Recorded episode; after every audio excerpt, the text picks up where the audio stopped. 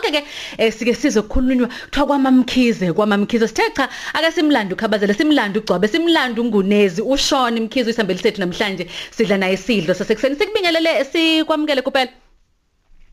Sanibonani nomcebo sanibonani balandeli bokhozi FM Hey, yeah, uyazenza izimanga la. Uyazenza izimanga. Ngoba manje sibona usukuvela nakuzalo, hayibo hayibo hayibo kodwa sengiyibamba sengiyagijima sengiyaphambili. Eh sayibona i-reality show yavele yaqhamuka i-reality show nje sekugijinywa sekugijinywa ake sihlehle kancane manje siyilande le kuShon okhulele embumbulu. Silandani konje eh nomcebo njengamanje ufuna silandeni embumbulu kushona Silanda wena, silanda wena, silande lentokazi. hayi intokazi yasembumbulu intokazi esimple nje ugirl from next door eh oyikhangela khona le eh, eh, eh, embumbulu la ikanya khona ngehlezi. Eh there's nothing special about her she's just a simple girl from next door. Yes Manje ke wa- wangena kwe kwezamabhizinisi kodwa une background yaka finance. yebo sis. Ngine background yaka finance kodwa ke ngadecide ukungena kwezamabhizinisi eh eh, emkhakheni wamadoda Lesibindi esigaka, lesibindi esigaka noma ilamalungelo afika akunikeza lesibindi. akiri kwathiwa a- abantu besifazane sebeyalingana nabantu besimame and uyabazi ke nabantu besifazane befika endaweni hlezi nje sowenza kangcono kunamadoda ngoba thina sinothando futhi sinesineke. Amadoda ayasheshisa nje uhamba uhamba uhamba uya understand. So ke kumnandi ukungena kwi-territory yabo ngoba uma usuyifundile wayibamba. Vele usuke uzokwenza kangcono kunabo Manje ke kuye kuthiwe akulula ebhizinisini. Kuthiwe nje akulula eh nhlobo nje ukuba nebusiness. Bese ukuba nebusiness emkhakheni eh la kukhona abantu besilisa eh kube kube ukuthi bona abaningi abantu besilisa futhi il- izwi labi lona elinamandla kuthi hayi ke lapho ke suke zibuye suke zibuye suke zibuye into ongakazi uyibone wena ukwaze kanjani ukuthi ubhekane nakho lonke nakho konke lokho umelane nakho Eh nomcebo iqiniso limsula lento ekhulumayo ibusiness vela kusinto elula.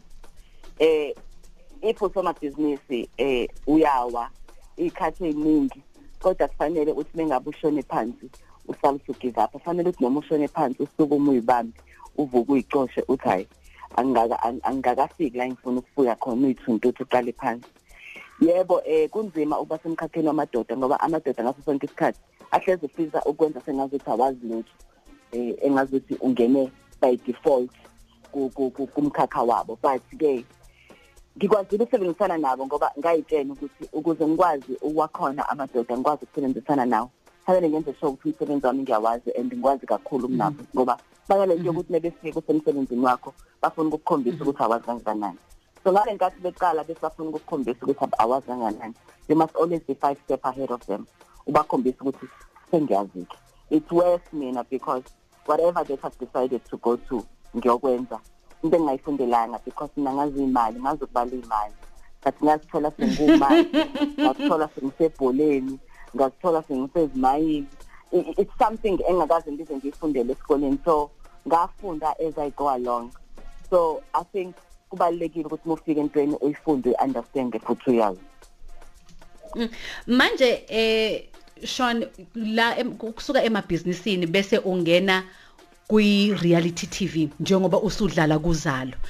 Omunye umuntu angathi mina angathi ayibo bengalindelekile ke lokhu ukuthi okay ngoba abantu abamabhizinisi abanamabhizinisi phela sibaze befaka amasudi bafake and uyaziwa ke la emswenkweni ngoba buthi noma ushuthwa uvele emaphepheni hlezi uyicuphile uhlezi ula hlezi uthe phapha u right bese kuthiwa "Ayi, la- labantu sibe- sebaze behlala ezitulweni ezizungezayo ema-ofisini apholile. Wase uyashintsha ke manje usuba ne-real yini e- eya- eyadala ufise nje ukuthi u- u- ungene ku-tv number one number two uzube ne-reality show yakho? Yazi nomcebo eh eh i think mhlawumbe it's about time ngingazise lonke izwe ukuthi ngifike kanjani ku-reality show. Ku-reality show ngiyakhona ngangingayiyeli into engifike ngayithola ku-reality show. Ngiya ku-reality show kwakufuna ukugaina back my identity because eh as time goes on eh ngagcina i-identity yami sengiyiluzile and ngangifuna ukubuyisa back my original surname eh u- umamkhize so ngiya lapha yana it was just to gain my identity and to find myself not understanding ukuthi ngizothi ngalenkathi isafuna ukuyithola mase ngi-inspire abantu abaningi in such a way that umzansi magic when they said okay guys let's get ready for season 2 ngokwami ngagcina sengisaba because that was not me. I didn't want to do a reality show. The reality show was a strategic, as you said, I'm a business person. It was a strategic decision to say, if I do this, I'll easily be able to turn the thing around and gain my identity and gain my feminine back. But yes, I understand ukuthi uzokwenzeka lokho. Manje ke eh khize into eyenzekayo u- ukuthi abantu bathi mabebuka izinto ezahlukahlukene yazi ab- abantu ba- ba- ba- bahlezi benembono imbono futhi othola ukuthi mawusu mawusu ubhekisisa lo mbono wakhe awun- awunaso isisekelo esiwulwazi lwangempela ngempela unombono nje ngoba nakhe eqhamuke nombono. Kubese kuba worse ke uma impilo yakho isisemehlweni abantu. Abantu baqhamuke nemibono eyahlukahlukene ngabangani ohlala nabo ngempilo iphilayo ngendlela ogqoka ngayo ngezinto onazo. U- lokhu kwazi kanjani ukuthi ubhekane nakho? Ngoba njengoba usho ukuthi wena ubufuna ukubuyisa identity yakho ubuwena bese abantu beqhamuka bese benemibono eminingi ngalobuwena bakho. Eh ngayifundisa into eyodwa ke mina ngiceba ngiphilele abantu. You know u- ubhuti wami eh uMax he said something that is so profound. That relates and that talks to me eh uMax Mqadi when he say in life you must never compete but you must complement. And uh, mina I'm living in my own lane. And I think what doesn't affect me and what makes me to keep on going is that if I'm doing something, I'm doing it for myself and I'm not doing for anyone else.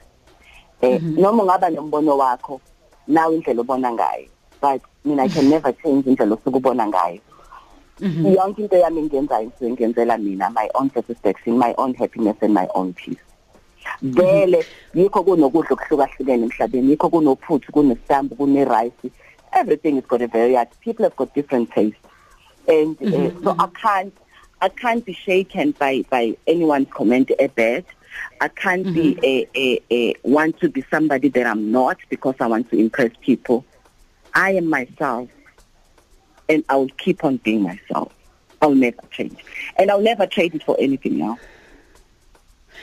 manje eh ngunezi njengoba usho ukuthi ubufisa ukuthi ubuyise iidentity yakho ubuwena uzikhumbule ukuthi ubani ugcizelele futhi nokuthi ubani. Em uchazile ngezinto eziningi ezahlukahlukene odlule kuzona empilweni nalezo zikhathi ezikukhumbuzile wabona ukuthi no man eh eh la akusahambi kahle. Kufanele ngeke ngizibuyise ngike ngibuyise nje nako konke okungokwami ngike ngibuye ngithi nje return to center. Uma usubheka manje ngoba into ekhona ngempilo ukuthi uyifunda ngokuthi lokhu uthi jep emuva uthi oh! Bese kuyikhana isifundo sifika ukuthi mawuthi jep uthi oh! Kambe uma usubheka manje yini obungayishintsha ngempilo yakho? Manje ayikho into engayishintsha ngempilo yami ave ngicontent ngempilo yami. Um i think a time where i've decided to look in the mirror and ngazibuza ukuthi ubani lona. That is the time where i've realized ukuthi this is not a Sean. And that is the time where i've taken a strategic decision to say bring back uSean you know abantu abakhula nami people that knows me uh, my childhood they will relate to this Sean Wamanje because this is who I am.